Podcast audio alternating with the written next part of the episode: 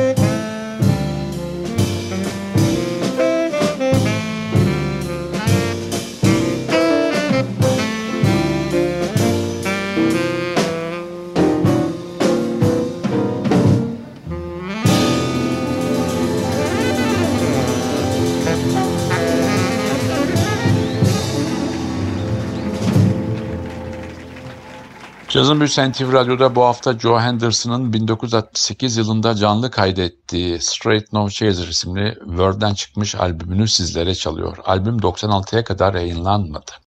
Sanatçı 1960-62 arasında orduda görev yapıyor. 62 sonunda kısa bir Paris ziyareti burada Kenny Clark ile tanışıyor. New York'a geldiği zaman daha evvelden bir kez görmüş olduğu Kenny Dorham'la dostluk kuruyor ve Kenny Dorham'ın grubunda saksafoncu Junior Kuhn yerini alıyor. Bir akşam Kenny Dorham'la Birdland'e gidiyorlar. Sahnede o dönemin efsanesi Dexter Gordon var. Gordon o sıralar Avrupa New York arası gidip geliyor ve Paris'ten yeni dönmüş. Joe Henderson adını duymuş, onu sahneye davet ediyor ve kendi ritim seksiyon ekibiyle Joe Henderson'a iki parça çaldırıyor. Müzik kariyerindeki ilk önemli kaydı da Horace Silver'ın Song for My Father isimli albümündeki solosu. 1963-68 arası 30'dan fazla Blue Note albümünde lider ya da sideman olarak yer alıyor Joe Henderson. Tekrar albüme dönelim. Sıradaki parçamız Limehouse Blues. Müzik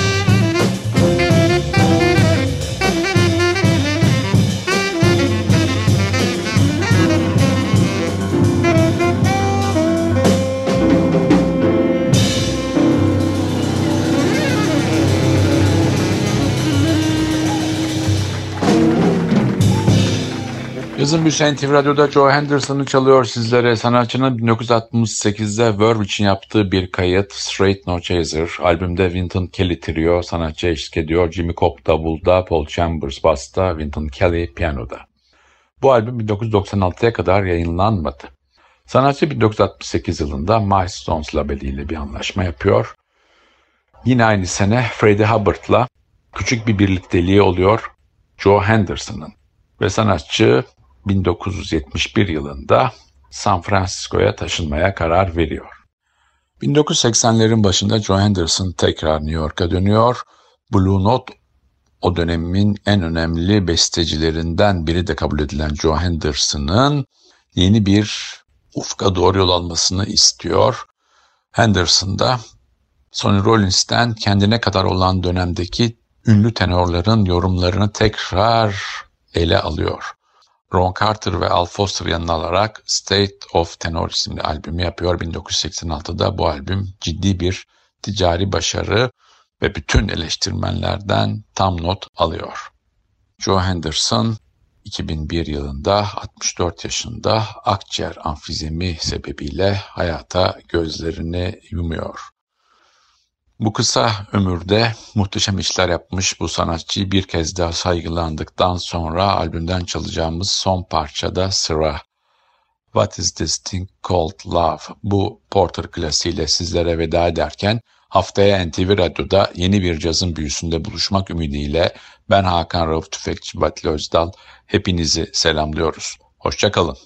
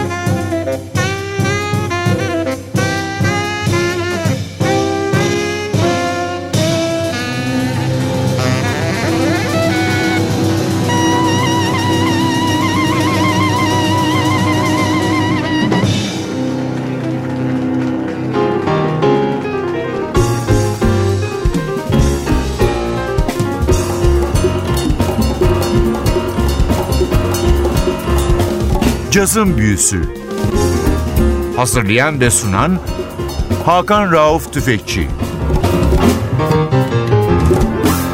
Cazın Büyüsü sona erdi. Programın tüm bölümlerini ntvradio.com.tr adresindeki podcast sayfamızdan dinleyebilirsiniz.